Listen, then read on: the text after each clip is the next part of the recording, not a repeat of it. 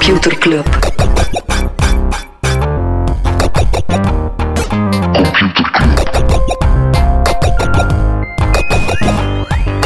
Computer Club. Hey Smolly, Hey Freddy, welkom, welkom terug. welkom. Welkom bij Computer Club, een wekelijkse podcast over technologie. Iedere aflevering steekt hier een Freddy en ik een interessant artikel en presenteren we een feitje. Elke week maken we hem alsof dat hij de eerste keer is. De spanning, het giechelen, de, de, de nervositeit. ja, niet gewoon, altijd met handdoek gemaakt. Hè. De handdoek gemaakt. Ja, je zo, enkel pure humans. Ah, zo. Ik wil dat gewoon, ja, dat is disclosure. Ja, dat we niet AI-generated zijn. Nee, nee. Hey, normaal moet het zijn dat is misschien beter dat dingen die AI-generated zijn een label krijgen. Maar ik dacht, Ambachtelijke even. een ambachtelijke podcast. Kijk, al 252 weken maken we hem alsof dat we hem voor onszelf... eh, nee, dat is niet waar. We zijn ook de twee enige luisteraars. Freddy, waar gaan we het eh, niet over hebben? terugkomen op. eh, ja, dat doen we soms. Dat doen we soms. Kijk, we, we, we volgen dan onszelf op. Ehm, in aflevering 239 ging het over eh, twee rechtszaken die tot bij de Supreme Court geraakt waren. En die wel eens heel belangrijk konden zijn voor de toekomst van het internet of de toekomst van sociale media. Dat ging met name over families van slachtoffers van ISIS. En die hadden respectievelijk Twitter en YouTube beschuldigd van ja, te weinig te doen aan radicalisering. En Mhm. ze zeiden van ja, jullie hebben eigenlijk terrorisme in de hand gewerkt en die slachtoffers. Ehm er is nu eh, sneller dan verwacht een unanieme beslissing dat die platformen geen schuld treffen. De Supreme Court zegt, ja kijk, wij gaan geen uitspraak doen over Section 230, hè, wat dan eh, die platformen afschermt van dat soort rechtszaken. En ze zeggen, ja kijk, we hebben het geïnterpreteerd en ja, volgens die Section 230 ja, zijn ze niet eh, aansprakelijk. Ja, het blijft een beetje afwachten. Ehm, dus de Supreme Court duwt het eigenlijk terug naar het parlement en zegt, kijk, als jullie hier iets anders mee willen doen, dan moet je daar nieuwe wetten over maken. Maar de wet zoals dat die bestaat, is duidelijk dat eh, Twitter en YouTube hier, eh, hier ja, geen schuld treffen. Alright. Ik wil ook nog even terugkomen de nieuwsbrief van vorige week. Daarin eh, vertelden we al, of teasden we al, dat Facebook of Meta de grootste privacyboete ooit zou krijgen in Europa. En dat klopt nu ook. 1,2 miljard dollar is het bedrag. Dus we kunnen misschien aankloppen bij de oprichter van Luminar. Dat is een bedrijf dat de LiDAR-technologie ontwikkelt. Die 82% wil kopen van de groep boven Forbes magazine. Fun fact, die doet, dus miljardair, is eh 28 jaar. Interessant? Respect. Interessant, Waar hij hè? op in 28 Er was, eh, was wat gedoe, omdat hij nog wat andere investeerders mee had. En er was wat vrees dat het eh Saoedi-Arabië en zo ging zijn, maar het zouden blijkbaar Amerikanen zijn. Ah. Ah, ja, ja. Nee, maar in Amerika zijn ze daar vrij gevoelig aan. aan wat, wat ik wel snap, Ja, tuurlijk, Grote mediabedrijven, Mm. waar je daar misschien liever weet wie dat daarachter zit. Austin Russell. Ja, maar dat is, zo'n, dat is zo na Jeff Bezos en eh, die de Washington Post bezit. Mhm. Eh, Mark Benioff, die Time bezit. Ja. ja. Opmerkelijke move. Time gaat eh, stoppen met subscriptions. Dat is Ja, opmerkelijk. ja, Ja, Amerikaanse media kun je echt niet vergelijken met de Belgische of Nederlandse. maar zelf daar heb je wel de trend dat er toch, zeker de New York Times en anderen, wel met succes naar digital subscriptions Mhm. gaan zijn. Dus opmerkelijk dat Time dan zegt, we gaan daarmee stoppen, we gaan gewoon volledig ad-driven gaan. Vind ik interessant. Forbes is trouwens, die hebben zo'n vrij sneaky businessmodel. Met contributors, kun je dat al gezien hebben? Wat? Dat is sponsored content. Ah, ja, ja. Ja, Ehm, een opinie. maar onder dezelfde, onder dezelfde. URL. Dus je kunt het heel moeilijk zien als je op een Forbes-stuk belandt. Van, is het echt een Forbes-journalist? Of Of is het iemand die ervoor betaald heeft? Ja, Native native content, eh, ja. ja. Mooi woord, mooi woord, woord. Even de GPT-rubriek, de Generative AI-rubriek. Ehm, ik heb een idee voor een jingle, Smolly, maar hij is er nog niet. Oké. Ik geef dat gewoon even mee. Komt wel housekeeping. eh. Nee, plusgebruikers van ChatGPT die kunnen vanaf nu de eh, plugins gebruiken. Dat zijn er meer dan 70. Ehm, plugins die ja, GPT verrijken met bijvoorbeeld real-time content, zoals dingen van Expedia of, of productinfo via Instacart en zo. Eh, maar daar zit ook een webbrowser in, wat betekent dat ChatGPT vanaf nu ook real-time informatie gaat gebruiken. Dus niet meer enkel alles wat voor 2021 Mhm. gebeurd is, maar dus vanaf nu ja, kan je eigenlijk ook alle data die op het web staat gebruiken. En bovendien, maar dat is voor iedereen, niet enkel voor plusgebruikers, is er een iOS-app. Eh, enkel in de VS ook. Enkel in de VS, ja. Ook in de VS eh, hadden we natuurlijk Sam Altman op bezoek bij het Amerikaanse parlement. En die zegt daar weinig verbazend Sam hij Altman van... OpenAI, ah, Mhm. sorry, de, de CEO van eh, OpenAI, die zegt natuurlijk dat hij open staat, dat hij zelf eh, AI-reglementering wilt. Wat natuurlijk classic is, is als je, eh, als je bij de succesvolle partijen bent, dan ga je zeggen dat je reglementering wilt, omdat dat, dat het voor, start-ups gewoon nog moeilijker maakt. Eh, hetzelfde zou ook gaan gebeuren in Londen. Daar zou de premier ook graag de grote AI-bedrijven op bezoek hebben. Ik denk ook dat dat zo'n nieuwe ja, PR-tour wordt. Mhm. En zo elk land gaat zeggen van, wij pakken dit heel serieus hoor, en we hebben ze hier, we hebben ze hier rond tafel gehad. Hè. En zijn naar ons geluisterd. zijn naar ons geluisterd. Hè. Eh, Google die eh, wil dan eh, liever het praktisch gewoon gaan aanpakken. Eh, die hebben twee manieren dat ze AI-generated images beter herkenbaar willen maken. Enerzijds eh, zorgen dat, tenminste langs hun kant, dat de metadata op Google Images ehm, ja, meer context krijgt, dus ook een AI-label zou krijgen. Dus Mhm. dat je in de metadata zal zien van, is dit AI-generated? Maar bon, werkt natuurlijk alleen maar als de- de andere AI-modellen dat ook doen. En ehm, anderzijds gaan ze dat label ook tonen op andere platformen. Eh, bijvoorbeeld op Shutterstock en andere. Dus gaat Google eigenlijk proberen samenwerking met dat soort platformen om, eh, om te kijken of dat ze kunnen zorgen dat AI-generated images zo'n label krijgen. En opvallend genoeg, Midjourney is al mee aan boord als partner. Dus dat is toch al geen kleine die meedoet.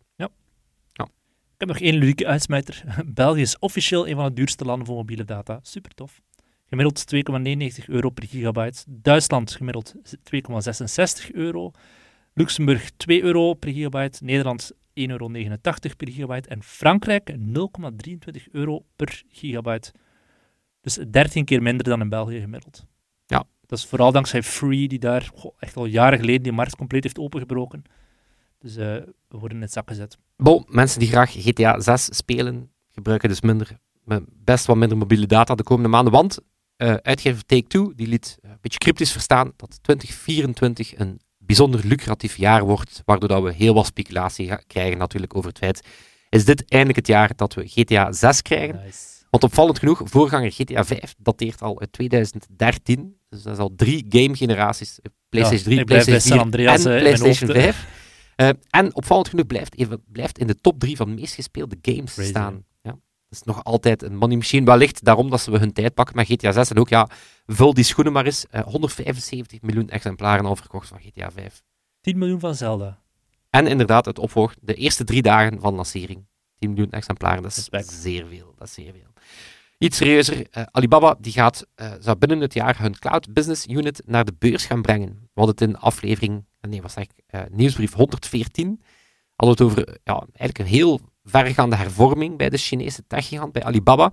Met name dat er eh, zes verschillende business units komen, cloud, e-commerce, logistiek, logistiek lo- lokale diensten en entertainment. En die kunnen zelf naar de beurs trekken. Dus eh, de cloud, die, die plannen zijn heel concreet. eh, en daarnaast zijn er ook plannen om de logistieke dienst en de supermarkten een beursgang te laten doen. Ja. Het aan- aandeel van Alibaba is een beetje aan het plafonneren of Mm. aan het stagneren. Dus vandaar komen ze met de... Het nog slim. Ik vind het wel nog slim, hè, als die, als die diensten... Heel vaak heb je zo het... eh, Amazon heeft dat denk ik ook, zo het, het feit dat, dat dat bedrijf zou meer waard zijn dan twee verschillende bedrijven. Ja, Snap je dat is toch vaak. Ja. Philips is ook zo helemaal uitgekleed in Signify en andere bedrijven die eh Ja. afsplitsing ervan. Siemens ook hetzelfde. Voilà. En dan om te afronden, omdat het gewoon zeer coole, eh, zeer coole dingen zijn. Apple die komt met zeer- twee zeer coole accessibility features.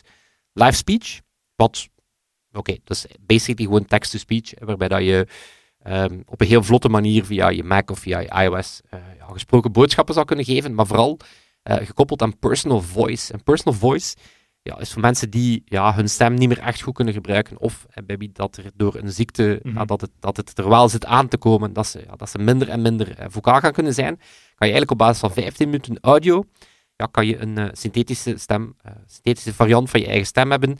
Dus daardoor zou je je iPhone en andere Mac eh, Macs en andere toestellen ja, kunnen gebruiken om in jouw eigen stem ja, eigenlijk te kunnen verder praten met mensen tijdens Zoom-calls of of face-to-face. Dat vind ik een heel, heel mooi feature. Maar opmerkelijk is dat ze die al voor WWDC aankondigen. Een grote developer conference, waar dat typisch ook heel, heel veel over iOS te doen is. allemaal over de, de bril gaan. Hè.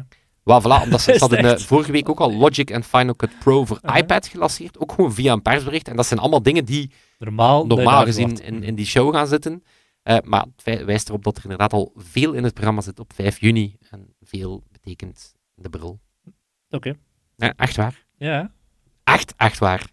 Het is allemaal een koortsdroom. Misschien, misschien maar wel een collectief. eh, ja. Hm, Ik doe niet mee. Maar, Ja. ah, ik doe al tien jaar niet mee met de Apple-bril. Freddy, waar gaan we het wel over hebben? En Wel over die bril trouwens, hè. Niet, niet, daar gaan we het niet over hebben, maar zo over die bril moet ik bij mij vaststellen dat ik haat de metaverse. En ik vind VR interessant, Ja. maar gewoon niet, niet, niet sticky genoeg of zo.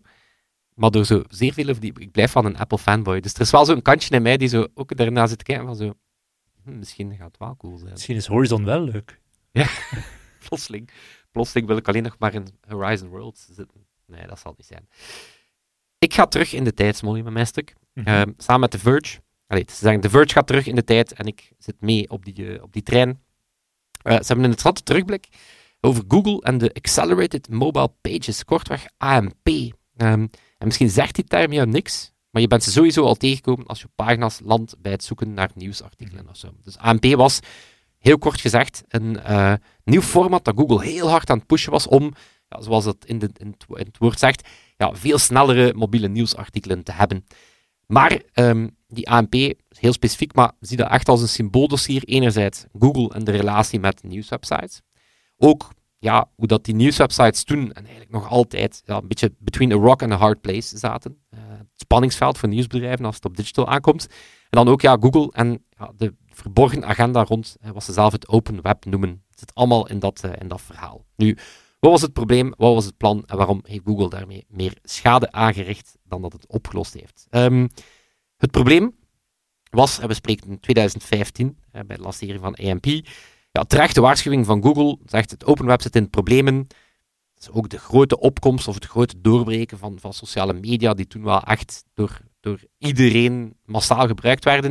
En die zeggen van ja, eigenlijk in contrast, mobiele websites, eh, en dan zeker nieuwswebsites, die zijn er zit zoveel advertenties in, er zit zoveel trackers in. Die websites zijn zo traag geworden. Dat zit vol met autoplaying video's. Echt wel het slechtste van het internet. Ehm, en dus, dus bij Google werd er gezegd, ja, we, voelen, we schamen ons bijna zelf dat we mensen naar die websites sturen via onze machine. Ja, het resultaat, ja, mensen gaan meer en meer richting sociale media en de walled garden is daar. Hè, dus die zegt, ja, kijk, weet je, ehm, het open web zit daardoor echt in de problemen. Ehm, maar was er natuurlijk minder op dat soort eh, pers-events. En pers-events mag je in dit geval letterlijk nemen als een pers-event Mhm. voor de pers. Wat ze natuurlijk minder vertellen is ja, dat er een heel groot existentieel risico voor Google eh, is op dat moment. 2015, traffic op mobile voor Google gaat voor het eerst voorbij de traffic op desktop. Maar de revenue op mobile is maar een zesde van de zoekopdrachten op desktop. Dus ja, mobile breekt volledig, wordt volledig eh, het, het, het, het primaire kanaal. En Google ja, is daar minder goed in. In contrast met bijvoorbeeld Facebook, die wel een absolute money machine hadden op mobile. Ehm, ja, dus het risico dat Google eigenlijk op mobile een soort non-speler gaat worden. ehm, maar ook het risico van die sociale media en al die walled gardens is, ja, het, ehm, dat is minder content waar Google aan kan. Google gaat het hele web indexeren, gaat het hele web crawlen. Dus iemand bij Google zei, het voelde alsof het internet kleiner begon te worden. Dus ja, voilà. De echte agenda van Google achter al die open web poeha is natuurlijk ook dat Google mee groot is geworden met internet. eh, en daar natuurlijk ook het bestaansrecht wel eens, zijn bestaansrecht wel eens kan verliezen als er ja, hele grote evoluties zijn en dat het er niet mee op zit.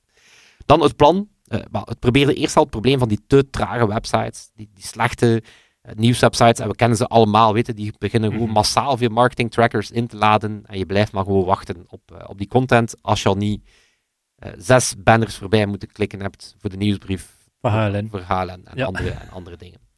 Dus voilà, eerst geprobeerd via SEO door het belonen en afstraffen van goede en slechte laadtijden. Ehm, ze hebben ook geprobeerd om al te raden welke pagina dat een bezoeker zou aanklikken in de zoekresultaten, die resultaten al te gaan preloaden. Ehm, maar 2015 kwam dan AMP, eh, opnieuw eh, Accelerated Mobile Pages, echt een mobile first format, de snelheid en de UX van een app, maar dan voor webpagina's. Met een heel catchy title, Making Sure the World Wide Web is not the World Wide Wait. De copy, het copyteam bij Google was toen Fantastisch. eh, firing on all cylinders. Ze zaten ook ergens in een beetje een pseudo-Trump vibe. We're here to make the web great again. Oh, wow. Dus eh, words that did not age well. Eh, nee, ze hadden toen ook al heel veel. Chrome OS was toen een ding. zo echt als een Mhm. web-first operating system.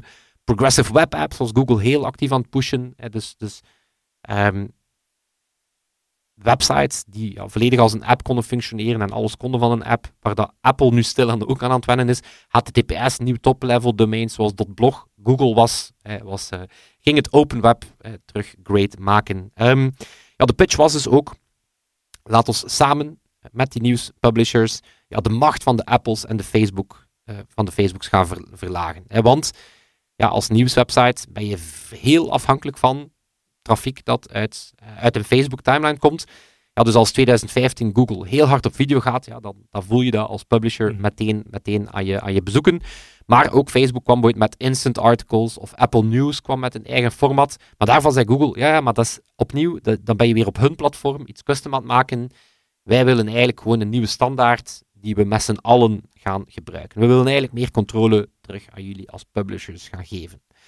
Nu ja, voor nieuwswebsites was het ook duidelijk, ja, if you want to access this audience, you need to play by these rules Mhm. werd er eh, door experten wel gezegd. Want Google, een beetje afhankelijk van website tot website, of nieuwswebsite tot nieuwswebsite, gaat dat tot 20 tot 40 procent van je, resulta- van je, van je, eh, van je bezoekers uitmaken. Dus je hebt niet veel keuze. Als Google zegt, eh, we, gaan die, ehm, we gaan die AMP eh, doen, dan moet je daarmee op, want ehm, ja, wat zag je? Als je AMP wel implementeerde, zag je tot 20% meer bezoekers. Eh, waarom?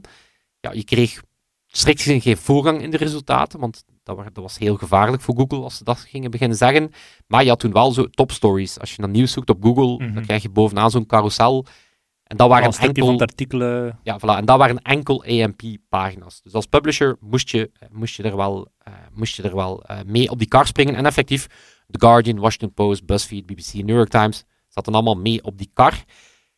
Minder dan één jaar later was al eh 7% van alle mobile traffic bij die uitgevers was AMP, eh, AMP traffic. Eh, zelf Microsoft, Twitter waren het allemaal aan het bekijken. Maar dan kwamen natuurlijk ja, de, de trade-offs boven drijven. Ehm, de eerste en de grootste en de vuilste was dat het ehm, vooral niet goed werkte met ad-tag. Eh, met name die van Google wel, maar al die andere ad-trackers nu. Ja. Het is ook een beetje, de ad-trackers zijn ook wel ergens de schuld van die trage pagina's. Maar dus met Google advertentietechnologie werkte alles goed, maar de andere, dat duurde heel lang eer dat die ondersteuning kwam. Ehm, ook die ondersteuning maakte heel bewuste keuzes. Bijvoorbeeld eh, multiplatform bidding. Ik ga niet te technisch gaan. Eh, Dat gaat, komt erop neer dat je als, als publisher Mhm. Kan je zeggen, kijk, die advertentieruimte, ik ga daar verschillende advertentienetwerken op, op laten bieden. Niet enkel één op Mhm. laten bieden, waar dat dan de adverteerders op bieden, maar ook die advertentienetwerken tegenover elkaar, was ooit onmogelijk op AMP. En oké, als dat de facto de nieuwe mobile versie van je site wordt, dan zit je als uitgever met een probleem. Ehm, effectief, het 60%. ehm, je, je, je verdiende aan een AMP-pagina ongeveer 60% van wat je aan een gewone mobile pa- page verdiende. Dus was ook al economisch niet zo interessant. En ook die trade-offs qua advertentietechnologie, die zitten ook intussen in ja, die rechtszaken die tegen Google lopen als het rond het, eh, het search eh, en display, hey, het ad en display eh, advertising monopolie gaat, ja, zit AMP daar echt expliciet in als een duidelijk voorbeeld van, Machtsmisbruik. van machtsmisbruik. Mhm. Waar dat Google onder valse voorwaarden eigenlijk zeer goed wist van, we zetten hier vooral Google Ads Ja. verder. Maar ook, ja, comments, paywalls, was allemaal niet ondersteund in die standaard. Ehm, die pagina's waren niet eens zo snel. Ehm, en je had ook amper inzichten. Nu, opnieuw, heeft ook te maken met het feit dat er heel wat analytics trackers websites ook vertragen. Maar bijvoorbeeld Google, die cachete, net om ze toch te proberen sneller te maken, heel wat van die pagina's op url.google.com. En daar had je eigenlijk als uitgever amper inzicht in wat Ja. er met jouw trafiek gebeurt. Van die paywalls, inderdaad, als je vroeger van een aantal, ook Vlaamse kranten, een linkje kopiëren en die dan op Telegram stuurde naar iemand anders en dan het ANP-artikel bekeek, kon je wel voorbij de paywall, ook als je geen abonnement had. Voilà. Heb ik van horen zeggen. Nooit gedaan. We- we- zo- zijn we niet. Zo zijn we, niet. we hebben zelf geen computer. VRT Radio 1 was toch het paswoord? Wat?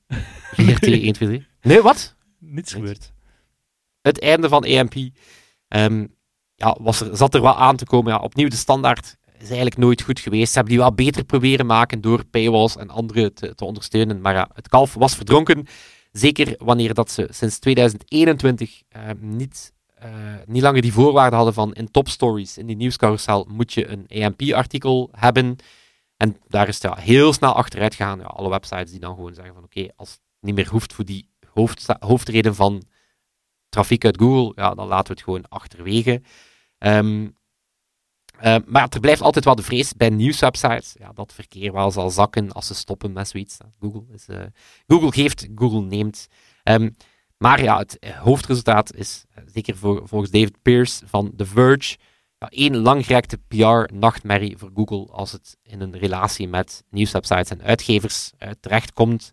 Ehm, het ar- artikel eindigt met AMP ultimately never saved nor killed the open web, but it did kill Google's good name with publishers. Ik denk dat er wel meer reden moet zijn, maar eh, inderdaad. Voilà. En ja, je hebt natuurlijk ook heel wat om af te zetten. Heel wat charme-offensieven van techbedrijven. Ook van Google bijvoorbeeld. En Google Play Newsstand, waar Ja. dat ze magazines helpen verdelen. Of de Digital Publishing Innovation Fund, die kennen we in Europa. Mhm. 60 miljoen eh, naar, Ja, ja. naar publishers, wat natuurlijk eh, weinig is. Apple, die zei, ja, de, de iPad gaat digitale magazines redden. It did not.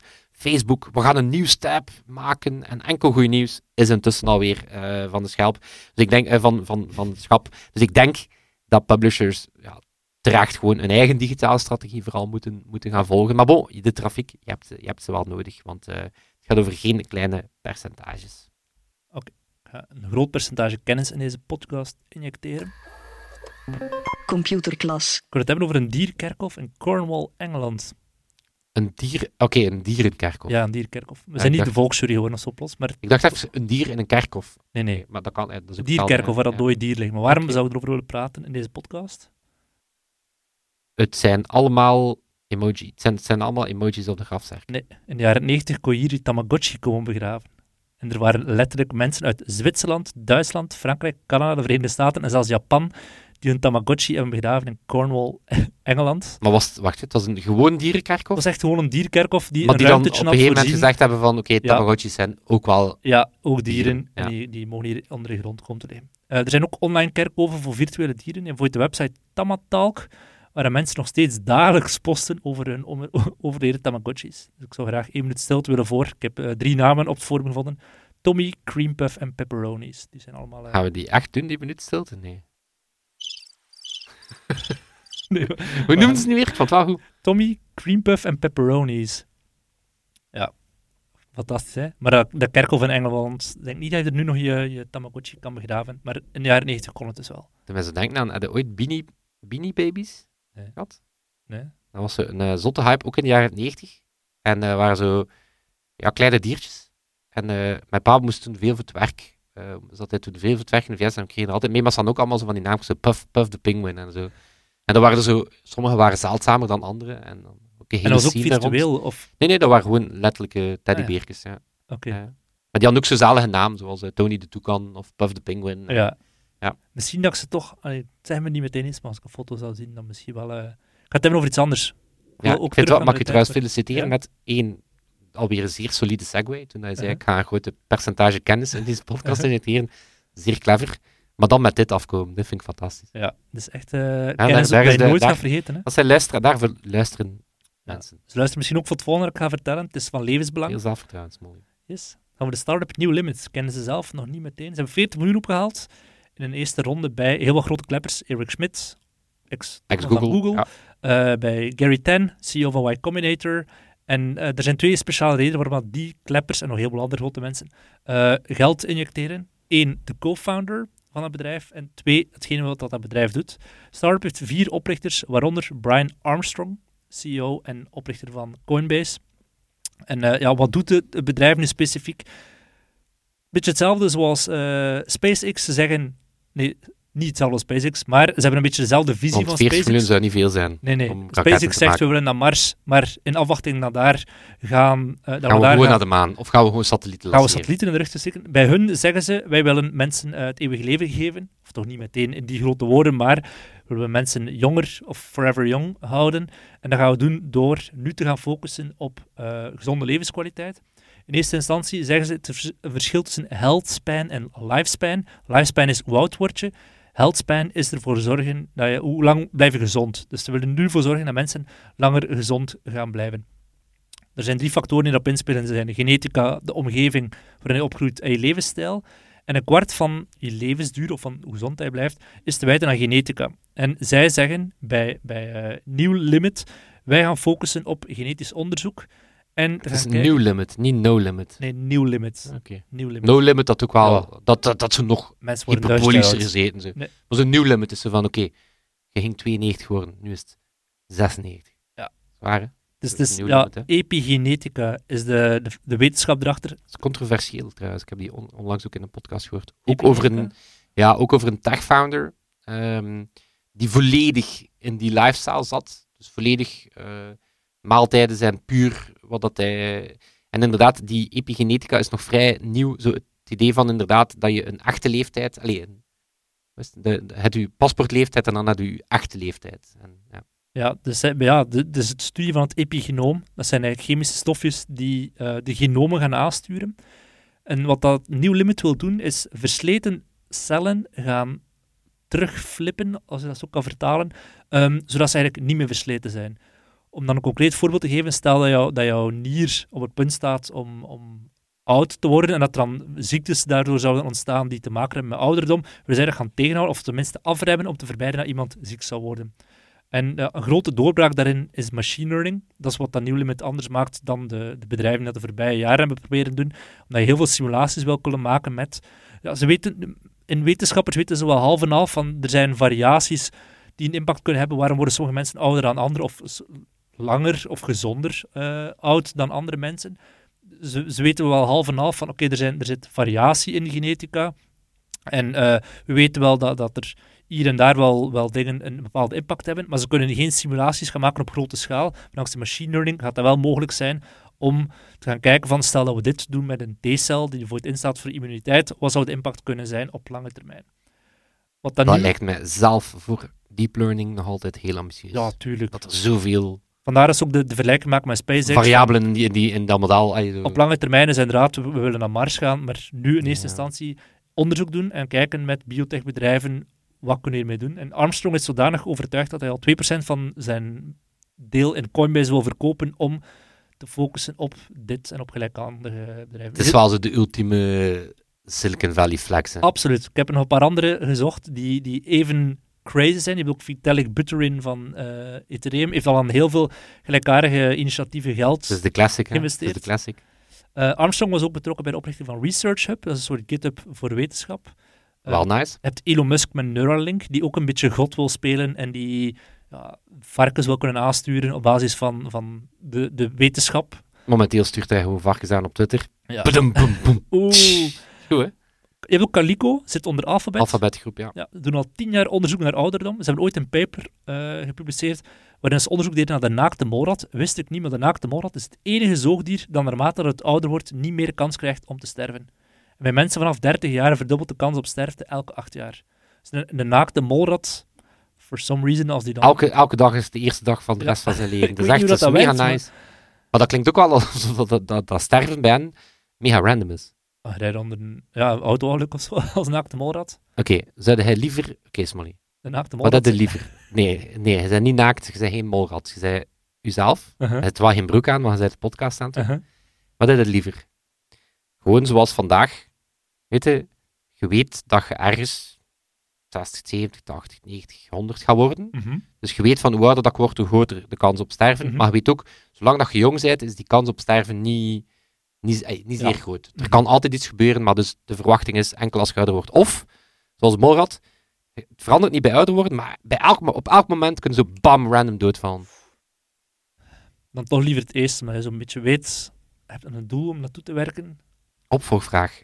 Moest je kunnen weten op welke dag dat je sterft, zou je dat willen weten? Goed nadenken, Simon. Mm. Het, kan, het, antwoord kan niet kan minder aangenaam zijn dan dat je denkt. Nee, ik hoef het niet te weten.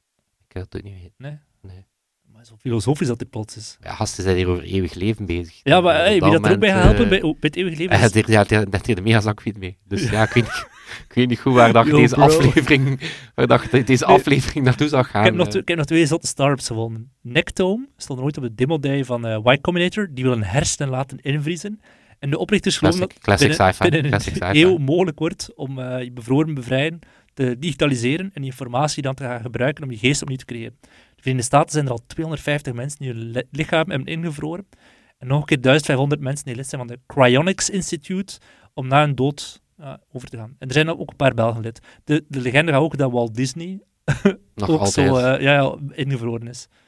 ja. Ik kan bevestigen dat Walt Disney gewoon eh, onder de grond ligt. En dan heb hoe, je... kun hij, hoe kun hij dat bevestigen? Ik heb dat gevoeld. Oké. Nee, nee, nee, maar ik bedoel... Zijn dat dat dierenkerkhof geweest? Naast mijn Tamagotchi ligt. Walt Disney. En dan de laatste, bestaat helaas niet meer, Ambrosia Medical, een andere start-up die bloedtransfusies uitvoert op mensen boven de 35 jaar met bloed van tieners. Zij moeten sluiten van de FDA, logisch. Eh, ze kochten bloed van tieners in bloedbanken en verkochten het al voor 8000 dollar door aan oudere mensen. Dat is echt zo'n kiekeboestrip. Ja.